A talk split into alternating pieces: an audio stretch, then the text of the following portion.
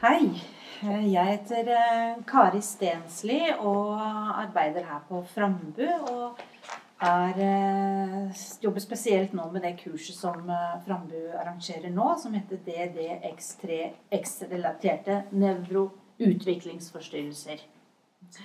Og ved siden av meg så har jeg Marit Julie Berg og Karina Berg-Hansen.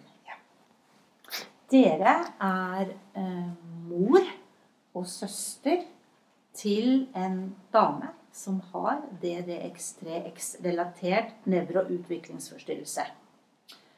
I det videre vil jeg nok eh, si bare DDX3X og kutte bort de to siste ordene. Det er komplisert å si det uansett.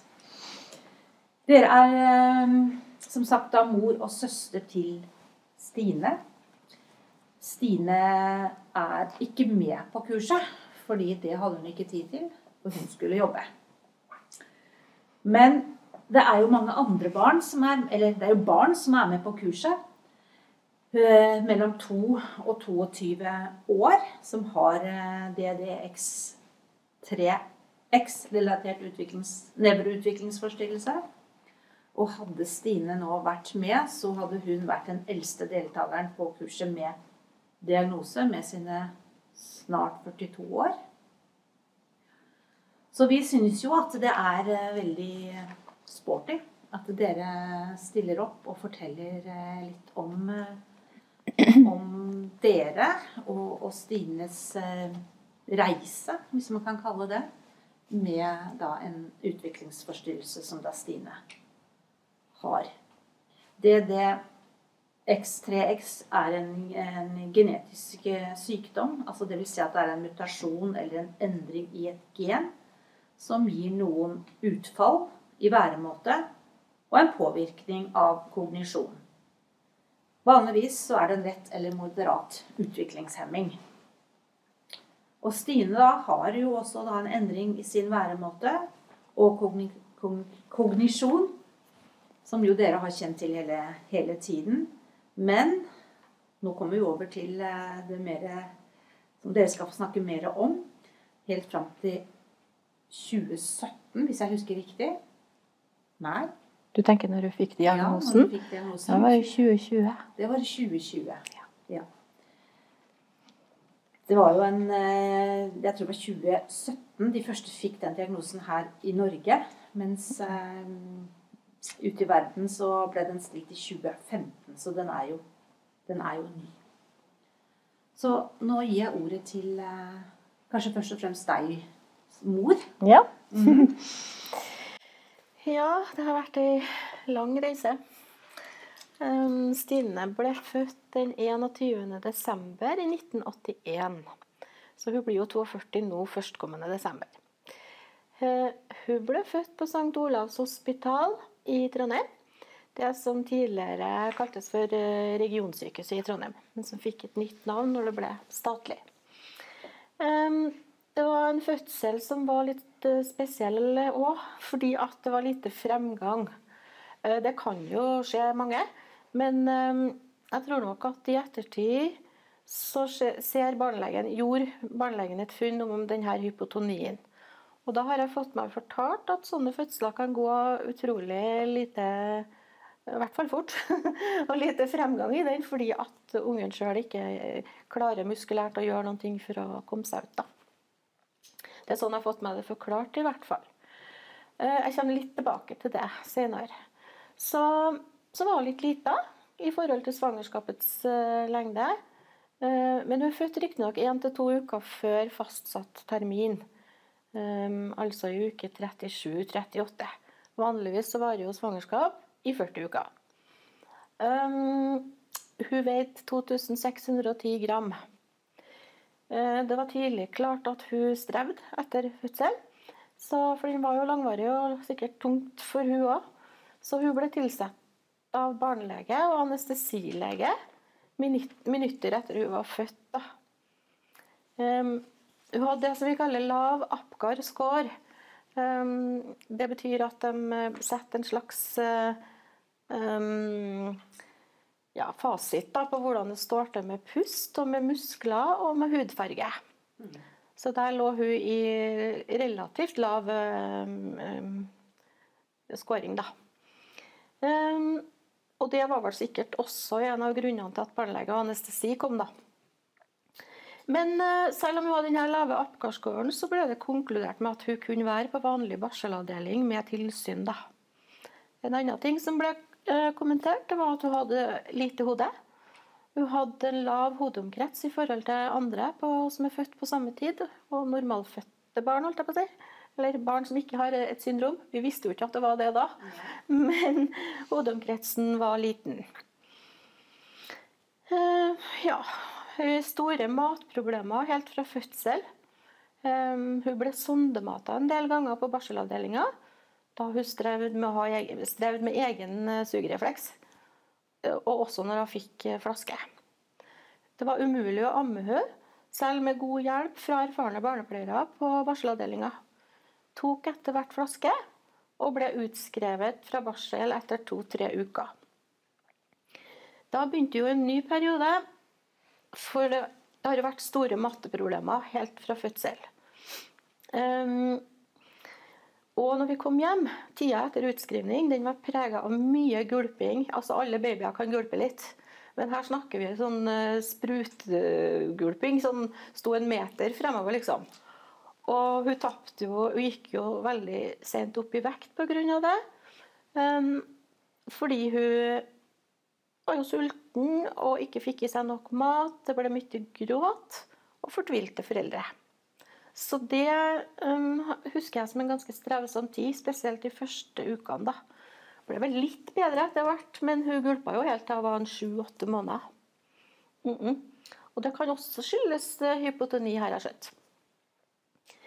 Uh, fem uker gammel så flytta familien fra familien vår til en liten kommune på Helgelandskysten i forbindelse med at far til Stine da fikk jobb der.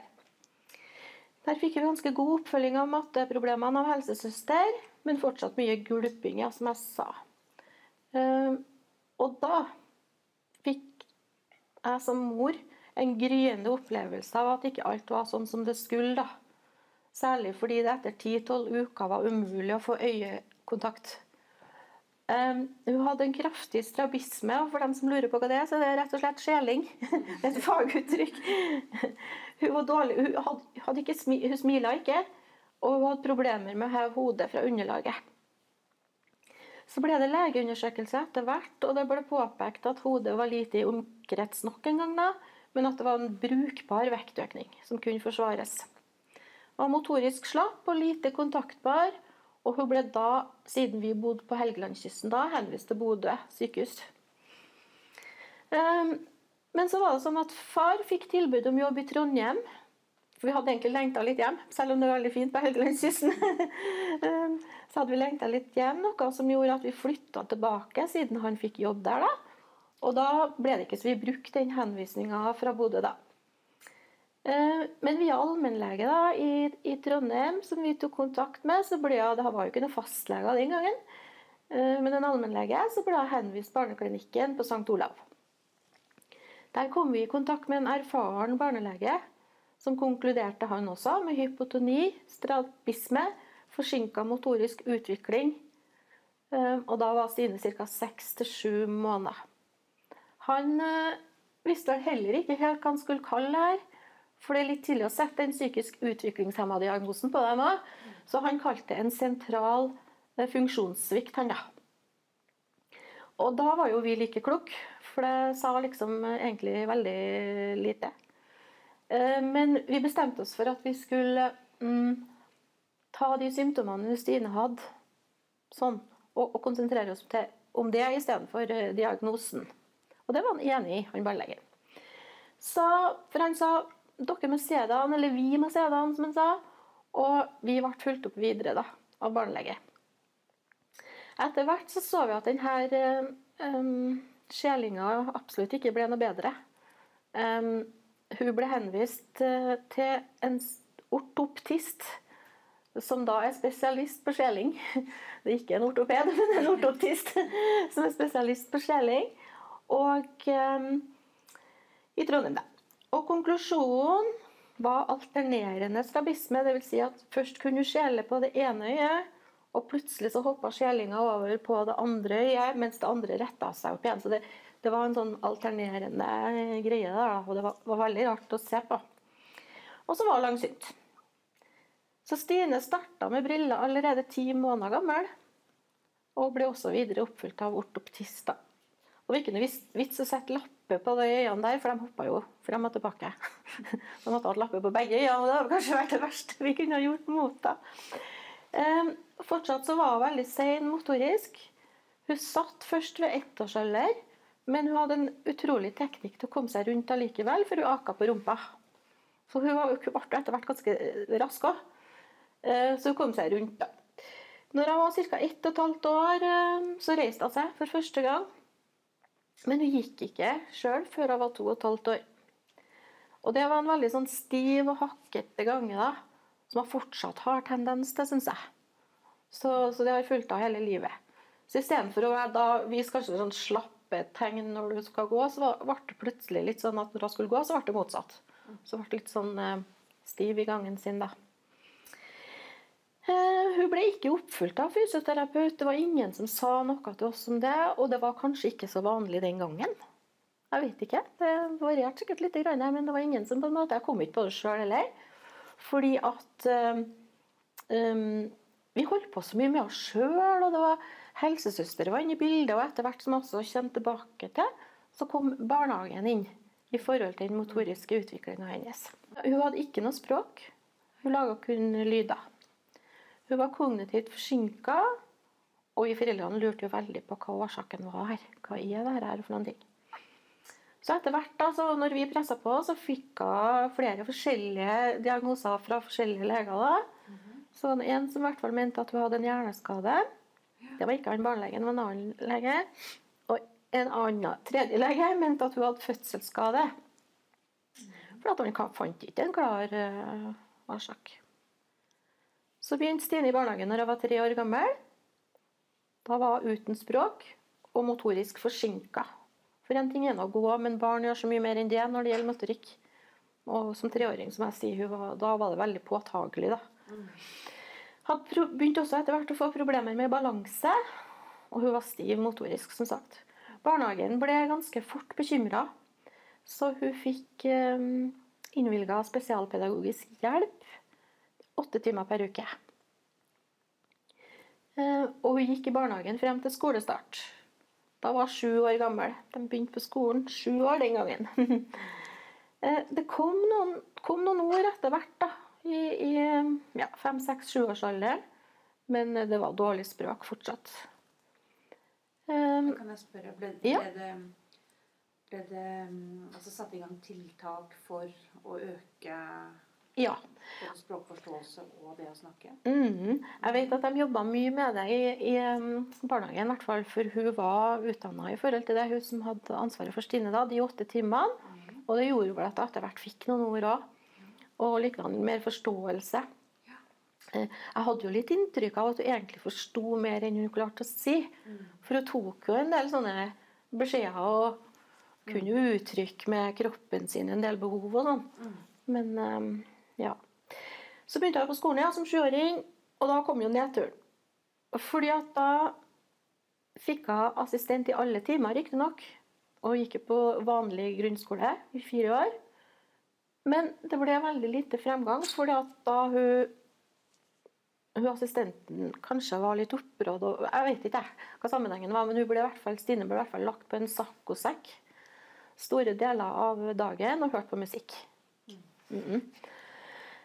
Og Sosialt da, så ble hun selvfølgelig utstøtt av de andre pga. manglende språk eller forståelig språk og eh, væremåten sin.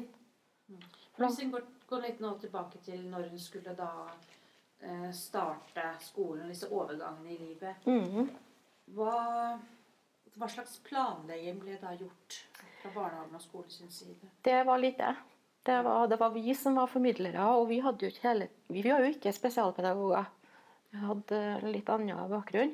Sånn at det var vanskelig for oss å formidle det på en ålreit måte. Mm. Og den gangen så var det ikke vanlig å ha overføringsmøter mellom barnehage og skole, sånn som det er i dag. Nei. Nei. Mm. Altså, du skal begynne på skolen, punktum. Mm. Ja. Var det noe dere har, kunne ha ønska i denne tiden som eh, Absolutt. støttespillere? Ja. Kunne ha ønska at f.eks.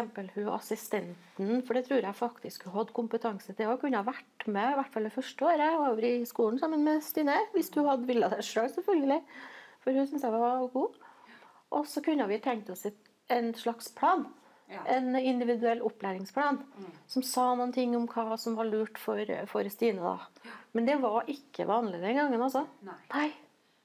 Det, var mye muntlige overføringer, men så ble det bort. da, for at um, Det var en del turnover på skolen der. Det var en del vikarer og litt forskjellige folk. Ikke akkurat i forhold til Stine, men sånn jevnt over.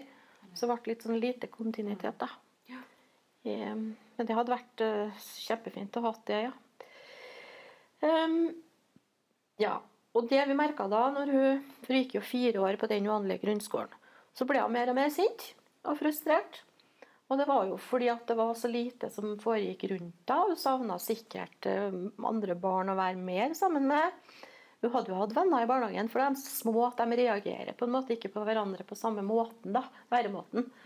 Men etter første klasse så synes, tror jeg det var veldig trasig for henne, for da begynte jo andre å vokse så langt ifra sånn at de tok avstand. da. Hun var ikke mobba, eller noe sånt, altså, men det var bare at de skjøva unna seg-. Og pga. det så ble hun ganske sint. altså. Um, hun hadde jo drosjetransport husker jeg, fra hjemmet og så til skolen. Uh, og da, altså, Du trengte ikke høre biler, for du hørte når Stine kom trampende sinte steg, steg opp uh, trappa og inn i huset vårt, og ville helst bare sitte uh, for seg sjøl. Ja, og vi foreldre da, vi begynte å tenke hva kan vi gjøre, hva kan vi bidra med. Eh, Vi begynte å forhøre oss med andre som hadde funksjonshemma barn, andre som hadde noe alternativ som hadde litt peiling. Og de foreslo jo en skole som heter Dalgård skole, en spesialskole i Trondheim, som hadde veldig godt rykte. da. Hvor de også blander både eh, holdt på å si, vanlige barn og, og funksjonshemma barn, spesielt de med kognitiv nedsatt fungering. da. Så vi søkte jo det, men eh, da fikk vi et argument fra skolen, da, fra den vanlige skolen Stine gikk på, om at det kunne ikke skje. Fordi at de hadde vært i kontakt med kommunen, og der hadde hun assistenten hadde da en stilling som ikke gikk an å si opp. Så vi snakka jo litt om på kurset her at det er miljø, hvem er det som skal tilpasse seg? Er det barn eller er det miljøet? Så da ble vi jo vi veldig med oss og sinte, rett og slett. Så vi trua jo med, gikk jo så langt at vi trua med, med anmeldelser, vi altså. Hvis for at vi syntes det var om, omsorgssvikt. Og vi fikk jo heldigvis da etterpå et møte med oppvekstdirektøren i Trondheim kommune. Og eh, vi fortalte den hele historien, og han syntes jo det der hørtes trasig ut. Så det gikk ikke mange dagene før Stine fikk plass på Dalgård. ja, alle dager i uka. Og det var jo helt åpenbart at hun trengte mye opplæring, støtte og veiledning fra fagpersoner. En litt stor oppgave for eh, foreldre, det der. Så um, skal vi se Etter noen måneder så skjedde det, jeg holdt på å si, om ikke akkurat et lite under, men vi så merkbart eh, forbedring. da. Språket tok seg opp, sakte, men sikkert. Det ble jobba ganske intensivt med Stine. Og hun klarte faktisk um, Når jeg var elleve år, da hadde hun gått noen år riktignok siden hun ble flytta til Dalgård, men da kunne hun lese enkle tekster, og hun stava seg frem da på en måte. Ja. Så det, det, bare det å tenke på at hun ikke hadde et ord frem til hun var fire, og det at hun som 11-åring da klarte å, å lese Og hun leser, jo, hun leser jo faktisk ganske brukbart i dag. Ja. Eh, Det er noen ord hun syns er vanskelig, da, men eh, Det er så fint det du sier der. At Ja. milepæler de kan nå Ja. seint i livet. Ikke elleve år seint i livet, men altså de kommer mye ja. etter det som er det vanlige. Og det gjelder å liksom ikke gi opp. Mange tenker at de kommer ikke, men tror jeg er kjempeviktig. Ja. Og ikke miste trua. Det er lett å si, men, eh, men det å, å, å få det til, det tror jeg er lurt, altså.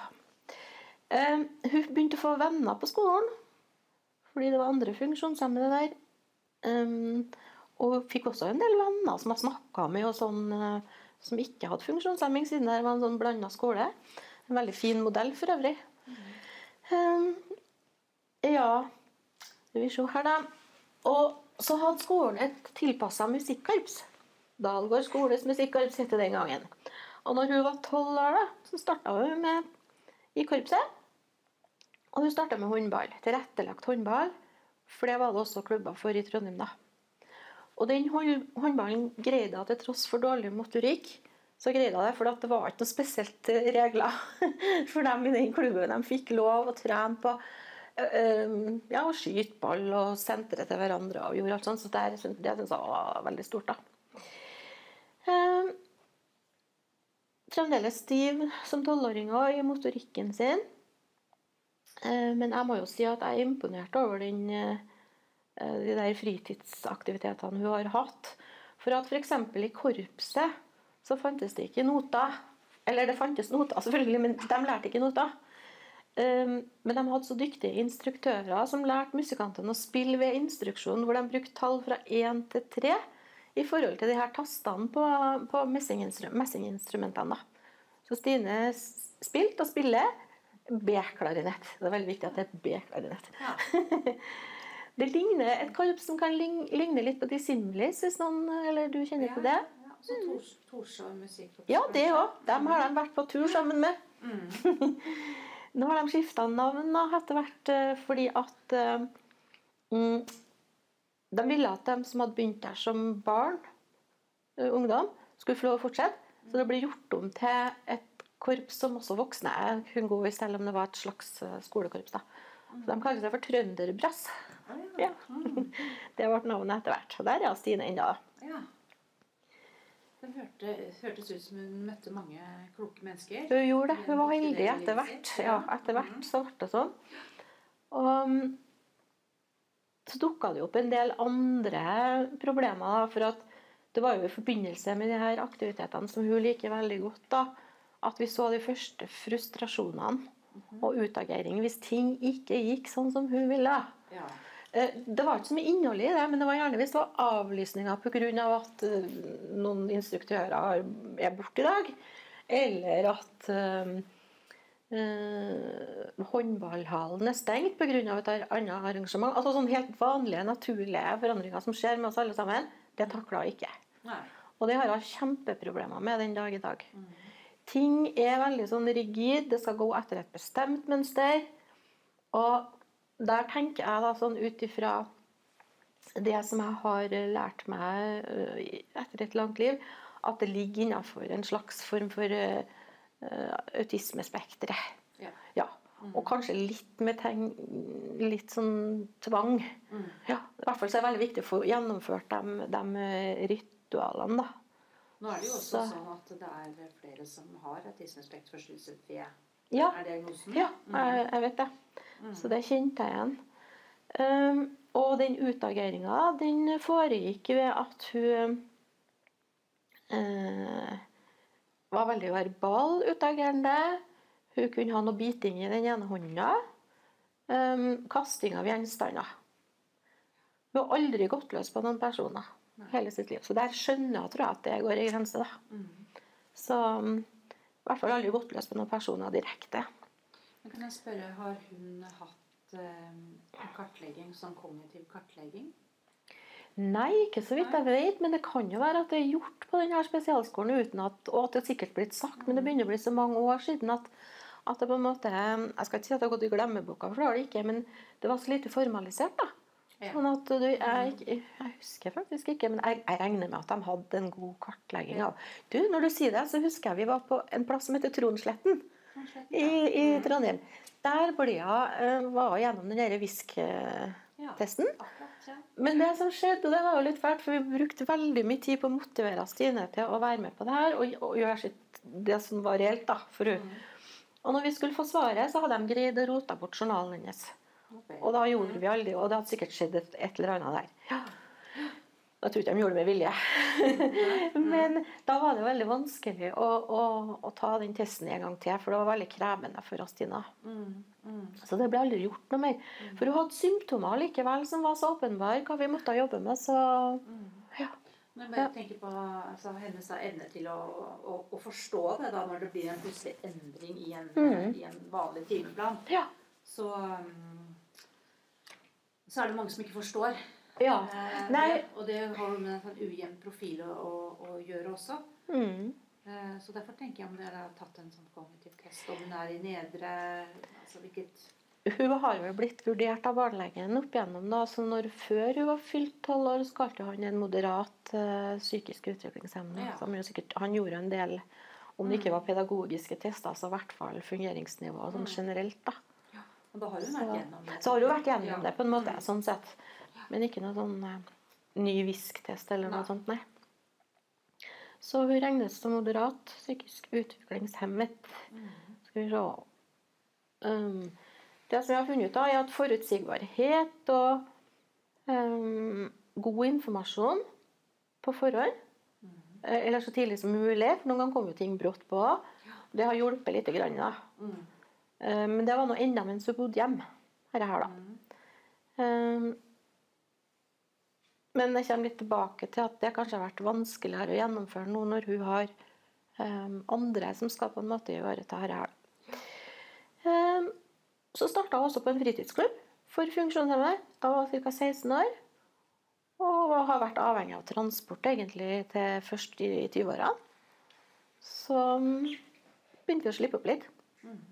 Hun skulle få lov å prøve å bli skygga, annet. For å se hva hun gjorde, uten at hun visste. Ja.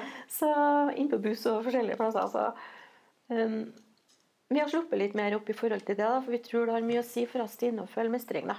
Det er viktig. Ja. Og så har hun jo krav på det i forhold til um, Hun er ikke fratatt samtykkekompetanse, i hvert fall ikke på en del områder. Det er vel eneste økonomien, tror jeg, de, eh, jeg tenker at hun kan styre dårlig. da. Men ellers så har jeg jo brukermedvirkning-rettigheter òg. Så, så det å, å føle mestring og få lov å gjøre ting sjøl og være med og, og bestemme, det tror vi er kjempeviktig. Stine har nå fremdeles alle disse aktivitetene. Veldig, veldig smal interesse når det gjelder håndball. Eller store, den store interessen. For den store interessen, det er håndball. Og hun følger med på alle eh, landslagets, damelandslaget i håndball sine kamper. Så å ikke være med på håndball, det ville vært en katastrofe for henne. Uh, og da Hun har jo til dels utagering hvis du ikke får med seg alle kampene på TV òg. Da er det landslaget og Vispers, Viper, Vipers og Vipers. hun kan navnene på alle, og det er veldig sånn, men hun er ekstremt opptatt av det. altså. Ja. Så det blir sånn, litt, litt innenfor autisme. Eh, Ja. Ja, for det, for det er liksom bare det som eh, Særinteresse. ja, veldig særinteresse. Selv om det er mange som liker håndball, så kan, kan de gjøre en del andre ting òg. Men det kan ikke hun. Eh, så flytta jeg i egen leilighet som 22-åring. Og da fikk jeg innvilga i første omgang punkttjenester, som de kaller det i, Trondheim. De hjalp henne med forskjellige punkter. Men så ble det etter hvert klart at hun trengte mer omsorg enn det. Så hun fikk innvilga heldøgns omsorg nå da for en par år siden. For det som var, vi var heldige med, da, var at hun, vi søkte lån, et kommunalt lån. Fordi hun, det var jo ikke noen tvil om at hun var omsorgstrengende. Og så fikk hun innvilga det.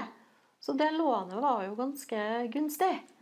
Eh, og da um, um, klarte hun å forsvare det, og derfor kjøpte hun sin egen leilighet. Men den leiligheten er knytta har for øvrig flytta en gang etter det, da, for hun ville ha en finere leilighet. Jeg var bedre det heldøgns omsorg på den neste boligen hun kjøpte. Ja. Men, men um, hun, um, hun har klart det forbausende bra, syns jeg. Eh, men får jo mye støtte nå når hun har heldøgns omsorg, da. Men igjen da, så har det blitt sånn at um, hun kan jo bli frustrert av at det er veldig mange forskjellige mennesker som er inne. Ja. Og det er også høy, høy turnover, og det er veldig vanskelig, syns jeg, å, å, å få kontinuitet i informasjon om Stine. Om hvordan det er lurt å gjøre det. For plutselig så er det um, folk som kanskje strever litt med norsk sjøl. Og det kan være mennesker som ikke har den kompetansen som kanskje trengs for den gruppa her. Og det kan være mennesker som kanskje bare er den helga, og så går det to måneder til neste gang. liksom. Ja. Så, men du har jo primærkontakt og sekundærkontakt som prøver å holde i trådene her. da. Så vi har jo hyppige sånne ansvarsgruppemøter og arbeidsmøter og litt sånn for å prøve å ivareta den. For vi merker at hun blir påtagende urolig Ja. eh, når det er mye folk inntil. Mm. Det er ikke altså så veldig fan av, altså, for å si det sånn. Hun vil veldig gjerne ha men så er Stine også litt sånn at hun legger jo sin elsk på noen, da. Ja. Som hun føler matcher henne sjøl, sikkert. Ja. Så, Mm. så da går det bedre. Men det er veldig mange hun er usikker på, tror jeg. Og de er usikre på hun, og så blir det litt sånn begge deler. Det der.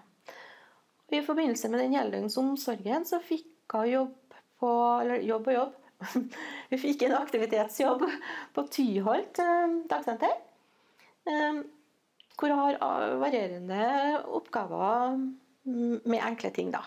Det kan være postombringing, det kan være makulering, det kan være eh, stå litt i kafeteriaen og steke vafler. eh, Liksom på det nivået. da. Men hun stortrives. Ja, og det er den jobben hun har i dag. Det er den jobben hun har i dag, og det var derfor hun ikke kunne være med på Frambu. Ja. For hun kunne jo ikke gå ifra jobben sin. Nei. Så det er jo litt uh, søtt, da. Ja. Mm. Hun får ikke noe lønn, men hun får noe som Trondheim kommune kaller for oppmuntringspenger. Mm. Det er ikke store beløpet, men Stine syns det er fryktelig stas å få en lønnsslipp og få de pengene. Mm. Fordi at Kommunen i Trondheim, i fall, og det er sikkert kanskje andre plasser i landet òg, tenker at så lenge hun har uføretrygd og er ung ufør, så skal det dekke hennes Og pluss det billige boliglånet. Og det må jeg jo faktisk si meg enig i. At jeg tenker at det går bra. Ja. Så jeg tror hun får 500 kroner i oppmuntringspenger I måneden. i måneden. Ja. Ja. Og så eh, er det sånn at hun får også gratis transport, for hun bor eh, et stykke unna til Jalt. Eh, Både til og fra, for det blir for langt for henne å gå, spesielt om vinteren. Og så får hun Hun snakker mer hun får, da. Hun har oppmuntringspenger, ja. Og så har hun drosjekort, som hun har fått. Det er jo maks antall turer der, da, men det hjelper noe på. Så det er liksom det hun mottar av pengestøtte, da. Eh, og så var det sånn som jeg sa til deg innledningsvis her, før vi begynte å snakke litt mer formelt, det var at Stine gikk fem år på videregående skole. Ja. Eh, fikk et ekstra år. Mm. Mm -mm. Og det, da var også i en sånn tilpassa gruppe, så det gikk faktisk ganske bra. Ja. Litt lei seg når jeg ikke kunne være russ, for at um, vi ville ikke det, vi. Nei. Nei. Nei, så du må ikke med på det? Nei. Nei. Men så fant vi på andre ting isteden, Ja. og da gikk det bra. Ja. Ja. Men jeg tenker på, det var jo også en overgang, ungdomsskolen, videregående. Mm. Hvem hjalp dere i den prosessen? Der var det litt mer formalisert på den måten at videregående faktisk etterspurte en del eh, informasjon av oss som foreldre, og delvis litt fra, fra eller Dalgård. Ja. Ja. De hadde jo litt kontakt med Dalgård, fordi det var jo på en måte litt sånn eh, samme leia Mm. den eh, spesped-gruppa på videregående og, og den ungdomsskolen. ja. Ja. Så de var jo kjent med den? De var kjent med ja, så de har hatt sånne grupper i mange år ja. på den videregående skolen hvor Stine gikk. da. Mm. Men fungerer det. arbeidet som hun har nå, eh, Mhm. den, hvordan kom det i gang? Det var gjennom Trondheim kommune og ansvarsgruppemøter hvor vi etterspurte. da. Ja, Ja, For da hadde hun fått ansvarsgruppe? ja det, var, det har jeg kanskje også glemt å si, men det har jeg hatt eh, i hvert fall siden jeg begynte på ungdomsskolen. Ja. Mm. Når Dalgård kom inn i bildet. Og der sitter vi nå, dem som på en måte skal hjelpe til med å finne ut gode løsninger. Mm. Det har vært litt vanskelig for oss å ha med oss Stine, men det skal vurderes nå. For hun har egentlig krav på å være med i ansvarsgruppemøtene, hun òg. Men så er det pga. denne utagerende atferden og litt sånn som hun kan oppleve som negativt, da, Mm. så, så kan det være vanskelig for hun å sitte og høre på det. Ja. Ja. Så det vi prøv, skal prøve nå snart, det er mm, at, hun, at vi kan ha et vanlig ansvarsgruppemøte først, og så kan hun komme inn på slutten. Ja. Kan vi høre litt grann hva hun tenker. Mm. Mm. Men hun er ikke sånn kjempeflink til å sette ord på egne behov, altså. Nei. Nei. Det blir ja, vanskelig. Men, men noe kan vi hende at vi får til, da. Mm. Men er det noe hun, hun spør om seg selv? Altså hvorfor? Nei, var er gang, da? det, var når vi snakka om denne russetida, så måtte jeg jo fortelle at, eh, at eh, vi syntes ikke det var noe lurt. Fordi at eh, det er så mye rart da, som foregår. Det er jo egentlig ikke så veldig rart for dem som er russ, men for i forhold til Stine. da. Men da stoppa hun oss, og da var Karina til stede. Og så sier jeg hva er det egentlig som feiler meg? Ja. Ja. Og da tror jeg vi var ganske ærlige på det, for at jeg hadde gått og grua meg litt til hvordan jeg skulle få sagt. du har en funksjonshemming, sa vi da. Å ja, sa hun. Ja, vet du hva det er, liksom? Nei. Nei, så, så måtte hun forklare litt de tingene. Det ble jo kanskje litt negativt, da, men det kom veldig bardus på, så vi hadde ikke fått forberedt oss. Og så sier jeg at ja, det er ganske mye du, du må ha hjelp til. Og det betyr at du um, kanskje har litt nedsatt funksjon. Mm. Jeg måtte bare si det rett ut, jeg. Men hun tok det egentlig veldig fint. Ja. Og det var ikke Å ja, sa Ja, men øh, da trenger ikke jeg være russ. Nei. Så akkurat som Så det forklaringen. Så det var forklaringen. Ja. Men hvor mye han forsto av det jeg, jeg sier det jo av og til til nå når jeg er og hjelper med noe, så sier jeg ja, for du vet Vi har jo snakka om det. Stine sier at du har en funksjonshemming, og at du trenger støtte og hjelp. Så derfor er mamma her nå og hjelper deg. Ja, men det er greit. Ja. Så har hun glemte å si at hun hadde mange øreinfeksjoner som liten. Um, og hun blir lite, da var lite smertepåvirka. Altså, noen ganger kom det litt bardus på oss at det var det som var problemet liksom, når hun fikk veldig feber. da. Så brakk hun overarmen sin i barnehagen og var veldig lite smertepåvirka. Ja. Og så brakk hun leggen på skolen, på barneskolen. Ble påkjørt av en kjelke. Lite smertepåvirka. Ifølge seg sjøl så hører hun dårlig. Hun har, har klaga faktisk over det. 'Jeg hører ikke hva du sier. Jeg hører litt dårlig sjøl'. Ja. Og så tenkte jeg dette måtte vi få sjekka. Eh, og da var vi på øre, nese, hals på St. Olav, men de fant ikke noe, noe, noe, noe galt i selve øret. da. Så det kan jo være eh, den der hjernepåvirkninga pga. Um, syndromet som kanskje slår ut. da. Sensorisk påvirkning. Helt sikkert. Men de har ikke så langt ikke ville gitt han noe høreapparat. da. Men vi, får, vi følger nå med det. Fortsatt så har han strabisme, ja, skjelling, men har i dag tilpassa brillene så det er mindre synlig på en måte. Og fått, fått veldig gode briller, veldig riktige briller for seg sjøl etter hvert. Og er det snedig, det, for at hun er jo veldig langsynt. Jeg tror jeg er pluss eh, seks eller fem, seks. Ja, tror jeg sånt, ja. Når hun da bruker brillene, så vil du jo se normalt sånn i forhold til nærsynt, langsynt, alt det der. Men det påvirker også strabismen. Så at øynene samler seg litt mer. Men de mener jo at det ikke er noen slappe muskler, eller det er ikke noe sånt, så det er sikkert eh, en sentral eh, svikt, da. Ellers så har hun migrene. Hun har ikke epilepsi, for det har vært sjekka for. Jeg fikk tatt en EEG for en god del år tilbake, og den var normal. Eh, Men hun har en del migreneanfall i perioder, altså. Eh, Og da, da er vel det eneste gangen vi ser henne ikke veldig smertepåvirka, men litt. Da klager hun over. Hun blir helt stille. Helt stille, ja. Ja. Ja. Og så kaster jeg opp. Og så sover jeg et døgn, og så er det på en måte over, da. Så, men ikke noe sånn eh, Og så har jeg vært på MR av hodet sitt, og de kunne faktisk ikke se noen hjerneforandringer. Nei. Um, hun har noe som heter hirsutisme. Det blir mange vanskelige ord her nå. hirsutisme, ja. eh, Og det betyr jo unormal hårvekst. Og hun har jo eh, veldig mye hårvekst i ansiktet. Så hun må fjerne Hun, hun må rett og slett eh, barbere seg hver dag. Ja. Um, men hun gjør det sjøl. Det er greia. For jeg har kjøpt en veldig god og hendig maskin, så det sveiper over fort og greit. Eh, men det kan igjen skyldes at hun også har en hormonforstyrrelse. Så når hun fikk tabletter i forhold til den hormonforstyrrelsen, så ble det mindre skjegg òg. Så jeg tror at det jo kan Mye her jeg ikke vet hva som hører til syndromet og ikke, men eh, Nei, men det er, jo, det er jo forklart at økt hårvekst Ja. kan være syndromet. ja, nei, det har jeg hatt. Og så er hun nok i overvektig. Ikke sånn kjempemye, men hun er helt klart overvektig. Ja. For hun er ikke så høy heller. Er 1,52. Ja. Nå er vi litt små, noen av damene i familien min, så det kan jo også være Men små hender og små føtter. Ja. Um, så hun kan spise veldig mye, da, hvis det byr seg en anledning. Men der har vi jo vært litt på både personellet på mm, boligenheten hennes og vi foresatte. Og det fungerer til dels, da.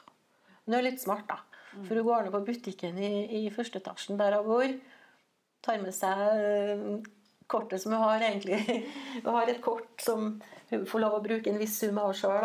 Ja. Og da går det på snop, altså. Ja. Ja, Ja. for å kose da. Men det er kanskje mange som gjør, som ikke har det her eh, syndromet òg. ja. Eh, hun er glad i aktiviteter. Hun liker å gå tur. Veldig glad i å tur. gå tur. Så når hun er til meg, så er det det hun liksom eh, snakker veldig mye om. At vi må ut og gå tur. vi må ut og gå tur. Så hun syns det er noe sånn. Det liker hun. Og så kan hun svømme. Eh, så hun er en del i Pirbadet da, sammen med personalet. Og så kan hun egentlig å sykle. Men hun kjørte seg en sykkel på, for noen år siden, så ble hun veldig redd. Eh, Og etter det så ville hun ikke ha sykkel lenger. Nei. Nei. Så skigåing er litt vanskelig pga. dårlig balanse. For du har jo en sånn generelt dårligere balanse enn andre. da. Når det gjelder psykiske, så har som sagt tidligere er hun veldig rigid i forhold til rutiner. Og hvis de brytes, så kan det bli utagering. Som omtalt i, i sted her, da. Hun har en greie på at hun må sende SMS til, til mor, da, til meg, på bestemte tidspunkt i løpet av dagen. Så hvis hun ikke får svar, hvis jeg f.eks. er opptatt på jobb eller er ute med gjør noe annet på kvelden, mm. så ringer hun ganske mange ganger. Altså. Hun kan ringe opp til 20-30 ganger. Og hvis hun ikke får svar da heller, så går hun løs på telefonen til søstera. Ja. Ja. Eh, og noen ganger så når vi da tar telefonen omsider, så legger jeg bare på. For, poenget hennes er ikke å snakke, men poenget er å sende en SMS. Ja. For hun syns det er litt stas. Ja. Ja. Så um, vi har jo prøvd å snakke mye med om dette her, og prøvd å trygge og det, det har jo hjulpet litt. Grann. Men um, SMS-en inneholder alltid nesten det samme. Uh, Det står 'god nat' fra hm, L-spiller, så hun klarer jo ikke å stave noe sånt. Men hun vil kalle seg sjøl for håndballspiller. ja. Så det skriver jo veldig rart, men vi skjønner jo hva det er hun har lyst til å si, da. Um, hun trenger rutiner, forutsigbarhet ja, og veiledning i situasjoner hvor rutinene brytes, som sagt. Hun kan ødelegge gjenstander, som hun også sa tidligere her, ved sterk frustrasjon og over brutte rutiner og avtaler. Men det som er litt snedig, er at etterpå når hun seg litt, så sier unnskyld. Hun sier unnskyld, da. Så skjønner hun at det er feil på et vis.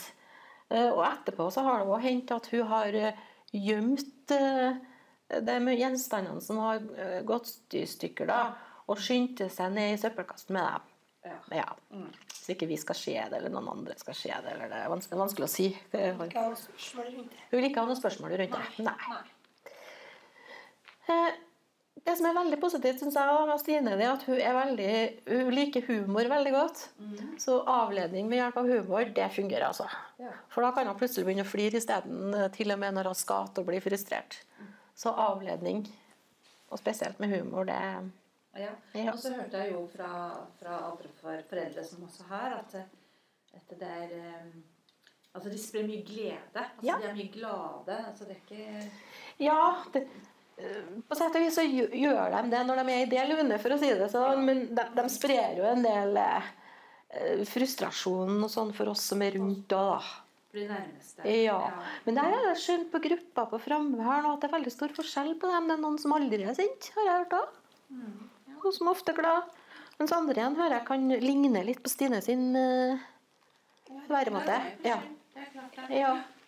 Så Men sånn overordna så er det Ja, ja. jenter Det er mest eh, jenter som eh, får denne diagnosen. mm, Eh, At det er lett å like. At de har en sånn ja. som det må man si. Jeg tror ikke for, Og det hun har en sånn Mange som blir litt eh, sjokkert når de hører at Sine kan bli så sint. Ja. Ja. Fordi det har ikke de opplevd. Nei. For De opplever hun som enkel, glad, Ja. mm -hmm. uh, sosial, Ja. snakker mye. ja. Men hun tar jo ut sin frustrasjon da, på det hun er mest glad i. Ja. ja. Hun. Føler seg trygg da, vet du, i forhold til oss. da. Det er jo Ja, det er veldig naturlig. Um, ja. Og som jeg sa i sted, noe utrygg psykisk da, pga. hyppig utskifting av personell. Ehm, språket er litt overfladisk, men hun gjør seg forstått. Ja. Ja. Ehm, kan lese enkle tekster, ja, skrive en del, men med ordfeil, som jeg sa i sted. Så ja, når det gjelder knytta følelsesmessig, så er hun knytta til familien sin veldig. Ehm, og spesielt til meg som mor, og yngre bror Fredrik, og søster Karina. Og kanskje spesielt søster Karina. Karina er veldig, veldig dyktig på å være sammen med Stine. Hun tåler mer av Karina enn å gjøre av- oss andre. Foreldrene hennes, altså jeg og faren til Stine, vi er skilt. Så hun, treffer ham ikke så ofte, så jeg tror ikke hun har så veldig stor tilknytning til far. Nei. Nei, Han gjør en del praktiske ting, men det er ikke noe sånn eh, Det er noen år siden vi ble skilt, ja, 17 år siden. Altså, så tida har jo gått. Men hun har på en måte mista litt kontakten. Mm. Ja. Så barn som er en eh, tjenesteyter. ja. Kanskje det, ja. Hun kjører meg hit. Ja. Ja.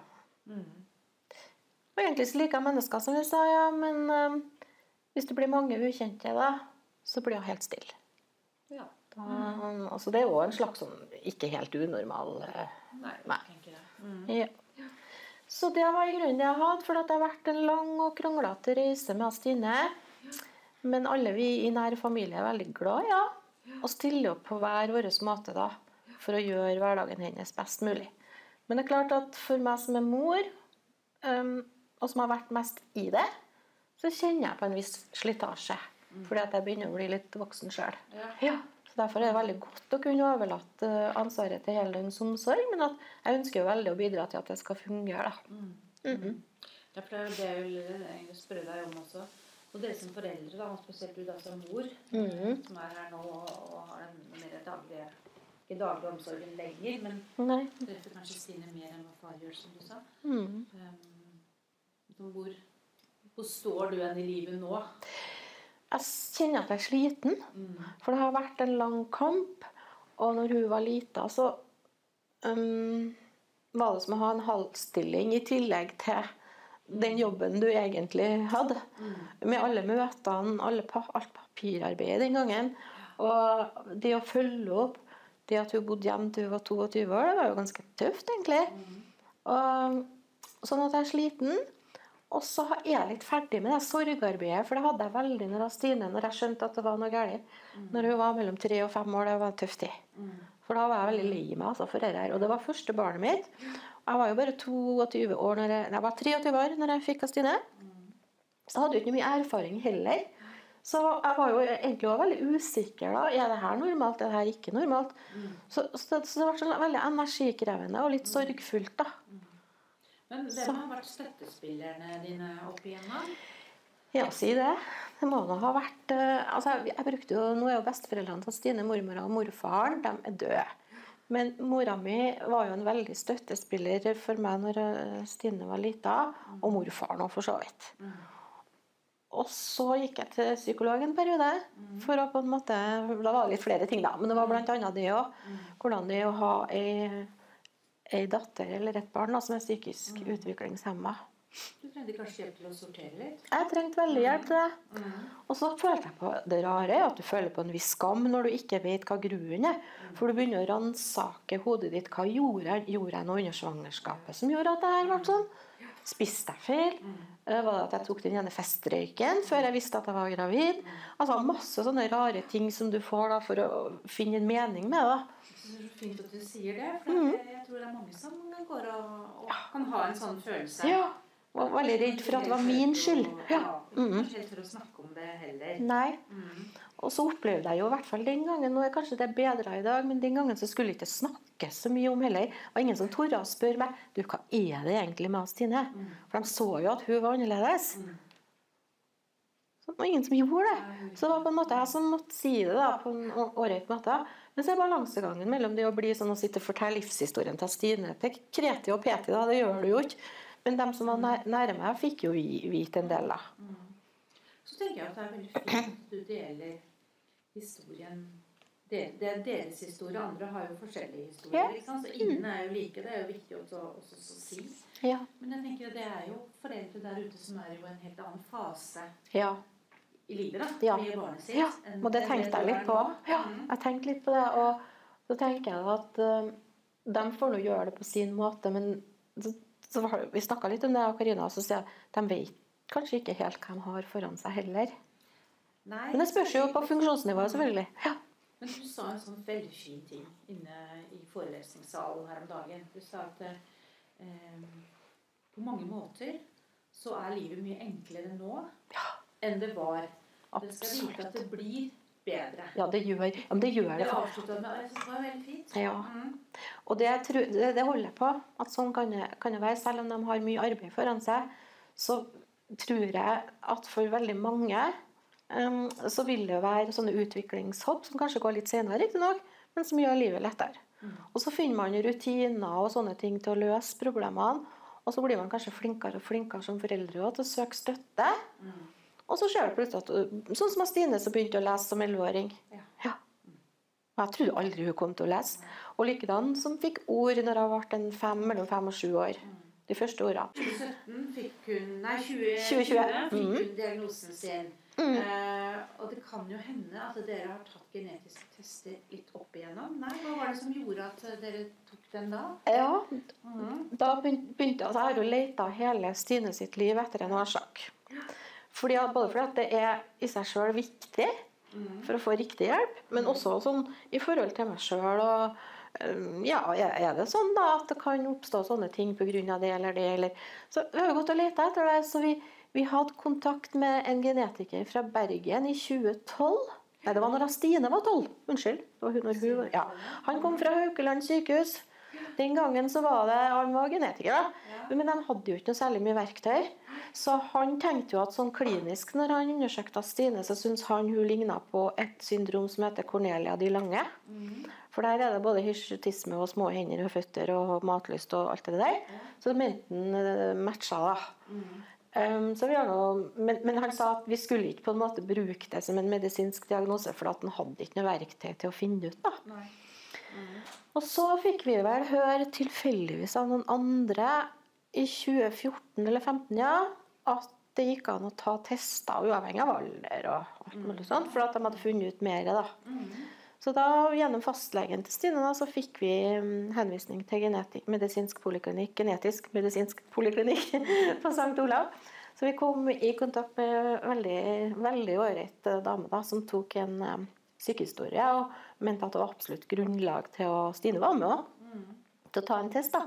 Fordi at det hadde skjedd ting i, i eh, 2015-området. da. Og så da måtte jo far inn og ta blodprøve. Han gjorde noe det. Jeg, gjorde, jeg og Stine gjorde det samtidig når vi var der. Og så gikk det vel Vi tok vel testen i februar-mars. Og så fikk vi svaret i juni. Ja. Og da fikk hun jo det her at hun har det her syndromet. Og det var en enorm lettelse. Fordi jeg leste meg opp om hva det var. Blant annet mye bra amerikansk litteratur vil jeg anbefale. Ja. Så, så, så, så fikk vi jo høre av hun genetikeren Marte Haug, heter hun. Fortalte at eh, For jeg hadde jo snakka litt om den her skyldfølelsen og tenkt på det hele tida. Så sa du kan i hvert fall ta det med ro. For det her er en mutasjon, da, og det er ikke arvelig. For det det også gjør, det når at eh, barn med syndromet her, eller andre syndrom for den saks skyld, så er du redd for at det er arvelig. Sånn at friske barn kan få egne barn som ikke er friske, selv om du vet at dine egne er det. Sånn som Karina har jo to jenter, og eh, nå er de helt klart friske. Også. men, men, men det er sånn at du går og tenker på det. Så det var så godt å høre at det var, at det var Men jeg synes det var flott at dere fikk tatt en, eh, Ja, en genetest. Mm -hmm. Selv om da Stine var, eh, var var godt voksen, jeg var 39. Ja. mhm. Så der skal man heller ikke gi opp. Skal ikke. stadig bedre tester. ja, Som er absolutt. presise. Ja. Og vi vet jo det. Det var jo først i 2015 at eh, de hadde utstyr for kunne ja, det, ja. Mm. Mm. Nei, så Det tror jeg var lurt. Jeg har ikke snakka med Stine om det ennå, for jeg vet ikke hvilken hensikt det har. For jeg tror det kan være vanskelig for hun å forstå uansett. Ja. Ja. Og det vil altså, en, en person blir jo ikke noe annerledes. Nei da. Eh, Stine er nå Stine lell. Ja, ikke sant? Ja. Har du lyst til å si litt om hvordan Det er åtte år mellom deg og Stine. Ja, Du er yngre. Jeg er nest yngst. Yngst. Yngst. Så da var jo Stine allerede i familien når du kom inn i familien. Ja. Så du har jo ikke opplevd noen annen søster. At hun har ikke vært noe annerledes eh, altså Stine har vært Stine hele veien Ja. med sine utfordringer. Ja. Ja. Nei, så for min del så kjenner jeg ikke til noe annet. Nei. Jeg vet jo også Stine er Stine. Eh, Men når jeg ble eldre, så, så så jeg jo det at hun både så annerledes ut og oppførte seg annerledes enn storesøsken flest. da. Mm. Eh, Men mamma var veldig flink til å snakke med meg eh, hele veien. Mm. Og fortalte meg at Stine er Stine. Stine har sine utfordringer. Og vi må ta det for det det er. Følte du at Stine tok stor plass i familien? Nå vet jeg ikke hvordan det ville vært å ei storesøster som ikke har et syndrom. Så for meg så har ikke hun tatt noe, noe større plass på den måten, altså. Nei. Men sett i ettertid, kanskje. Nå har jeg to døtre selv, Mm. og jeg tenker hvis den eldste av mine døtre, vet Elvira, Mm. hadde kommet til å krevd mer enn det hun gjør nå, så ville det kanskje gått utover Simone, min Mm. yngste. Eh, Men jeg følte ikke på det. Nei. Så da må Mm. foreldrene mine, og spesielt mamma, ha kompensert på en god måte. da. Mm. For jeg har jo ikke følt på det. Nei. Men klart, man, man tok jo hensyn. Mm. Jeg visste jo f.eks. at eh, Stine kanskje ikke alltid forsto ting. Mm. At hun måtte ha en eh, at hun måtte ha litt mer tålmodighet. Mm. Men jeg tenker at det er en god egenskap å ta med seg uansett i livet. Men kanskje man utvikla den egenskapen litt tidligere enn man har tenkt, da. Føler du at du, at du har liksom har tatt noen spesielle hensyn? Hvordan har det påvirket deg da, å være søster til Jeg vil si det at jeg har fått et mer åpent menneskesyn. Ja. Ja. Mm. Um, for at der er jeg født og oppvokst, um, nordøst i Trondheim, så var det jo vi, vi var jo et miljø der. Og etter hvert så ble det jo påpekt at Karina, du har ei storesøster som er hemma. Ja. Hvordan går det med hemmasøstera di? Mm. For meg så Altså, jeg er også glad i Stine. Jeg blir jo selvfølgelig lei meg, men jeg blir mer sint. Mm. Og jeg tenker mer hvor uviten dere er. Ja. Mm. Jeg ble mer sint på deres uvitenhet. Mm. Og jeg følte at det var urettferdig overfor Stine at hun skulle bli kategorisert som noe negativt bare for at hun var annerledes. Det syns jeg var veldig synd. Ja. Men jeg tolka det mer som uvitenhet. Ja. Mm. Så jeg husker jeg gikk bort til ham og pratet, og så sier jeg Vet dere egentlig hva det vil si? Vet dere hva dere sier nå? Og da ble det ikke så spennende å si det noe mer. Det var ikke noe gøy å erte meg fra da de storesøster som annerledes. Fordi jeg tok meg ikke nær av det. Jeg fikk ikke den reaksjonen jeg håpa på å få.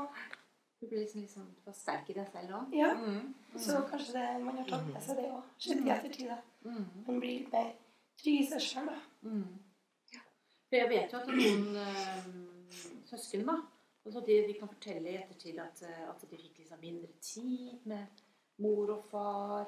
At det måtte tas spesielle hensyn man skulle på tur f.eks. Eh, at man ikke kunne dra dit og dit. Men det her er jo også veldig avhengig av av funksjonsnivået til søster eller bror. Selvfølgelig. Mm. Ja. Nei, men altså, etter åtte år mellom oss, Mm. så var Stine såpass stor når det var aktuelt for oss å dra f.eks. til Syden eller den Mm. typen aktiviteter. Og da var Stine som regel på avlastning. Mm. Så jeg og min lillebror Fredrik vi fikk, vi fikk det som alle andre barn fikk i Syden. Mm. Masse oppmerksomhet fra mamma og pappa. Eh, Vi dro på turer og sånne ting. Men samtidig så gjorde vi jo mye sånn i nærmiljøet og sånn når Stine var hjemme også. Mm. Vi dro jo på turer. Mm. Og Stine elsker jo å være på turer. Elsker jo å være fysisk aktiv. Så Mm. åtte år ettersom hun har da et lavere funksjonsnivå, så kanskje vi møtte hverandre på et ok-nivå på et tidspunkt. Fram til jeg ble såpass stor at Men da var jeg så stor at jeg gjorde mine egne greier. Ja. Når jeg ble tenåring Mm. Og vokst forbi hennes kognitive alder, da, om man kan si det sånn, Ja. så er det mine venner og mine aktiviteter. Ja. ja. Den som kanskje har tatt det litt uh, mer til seg på en annen måte, det er vel Fredrik, lillebror. Ja, det kan jeg. Han tålte ikke å bli erta fordi at han hadde ei hjemmesøster, som de sa, og det- der vi bodde. Mm. Da, da ble han veldig sånn eh, lei seg, han. Og syntes det var ekkelt. Mm. Og. Så han tok det på en litt annen. Er en litt mer sånn følsom type, han. Ja. På, på sett og vis, på sin måte, på, for sine ting. Mm. Det betyr ikke at Karina ikke er følsom, men uh, er ulik. Dere er ulike. Mm. Dere er det. Men han er veldig glad i søstera si. Fredrik, så i dag er han en kjempestøtte for henne. Ja. Men sier det jo faktisk òg. Ja. Sier det til henne. Du er veldig, veldig glad i Stine. Ja. Hva tenker du litt fremover? eh, Nå er jo Stine 41 år. Mm. Har Hun vil jo trenge, trenge ekstra omsorg Ja. resten av livet. Og det har vi også egentlig snakka mye om. Det er det jeg har gjort, det. At Stine er eldst. Mm. Mamma og pappa blir gamlere. her. de vil ha De må pga. alder eh, utfordringer med det å kunne følge opp så tett som de har gjort i så mange år. Mm. Og nå har jeg valgt på eget initiativ å eh, bli litt mer inkludert i Stine sitt liv. Da. Mm. Og være med i ansvarsgruppemøte og Mm. ja, bidra med det jeg kan bidra med. Da. I tillegg til egen familie. Ja. Stine har jo våre faste utflukter. Eh, julegavehandling, kino, eh, shopping. Sånne ting. For hun syns jo det, det er en stor opplevelse i seg sjøl for at Stine får lov til å være med meg. Det er ikke nødvendigvis shoppinga, men det er å få være med? Ja. Ja. Ja. Stine Mm. Hun vet jo at du er storesøstera mi, men vi har kanskje vært litt sånn at jeg har vært storesøstera. Ja. Ja. Stine Mm. stoler på meg. Så hun stoler veldig på Hun hører på hva jeg sier. Ja. Og fordi hun oppfatter meg som den Altså som at jeg er å stole på, så er det veldig enkelt for meg Mm. Og gi beskjed. Hun utagerer ikke til meg. Nei, vi gjør ikke det. Det er det merkelige. Ja. Mm. Ja. Og så er det kanskje litt sånn som folk flest at kanskje det er enklere å høre på noen man setter seg litt lik med, enn foreldre. Foreldre kan oppfattes som masende og plagsomme i hermetegn. Mens er jo søstera. Foreldre er foreldre, vet du. Det tror jeg hun, skylder på. Altså. Mm. Ja. Det virker som dere har en god kommunikasjon innad i familien. At Ja. dere kan snakke Ja, det har og ta opp ting Mm. som er vanskelig. Ja. Mm. Og som er bra. Ja. Mm. Hyggelige ting. Ja, vi prøver å gjøre hyggelige ting. ja. Vi påvirker vel kanskje yrkesvalg òg. Ja, det er vi jo òg. Ja. Mm. Har jeg en master innenfor barnevernspedagogikk, Ja. Mm. så klarte jeg å jobbe med mennesker Mm. av alle slag, da, kan man jo si, med utfordringer på ulike nivå. Mm. Jeg har jo tatt med meg det, og at jeg er lillesøster som er psykisk utviklingshemma. Ja. Ja. ja, det er sant, det. Ja. Jeg har gjort det. Mm. Skal vi avslutte? Jeg syns det har eh, vært veldig hyggelig å, å, å snakke med dere. Jeg tror vi har fått fram mange perspektiver. Både på Jeg det med, med sine, og det med å ha en utviklingshemming, og det med at det er en helt spesifikk diagnose. Mm. Så da sier jeg takk til dere. Ja, Takk. takk selv. Mm. Mm.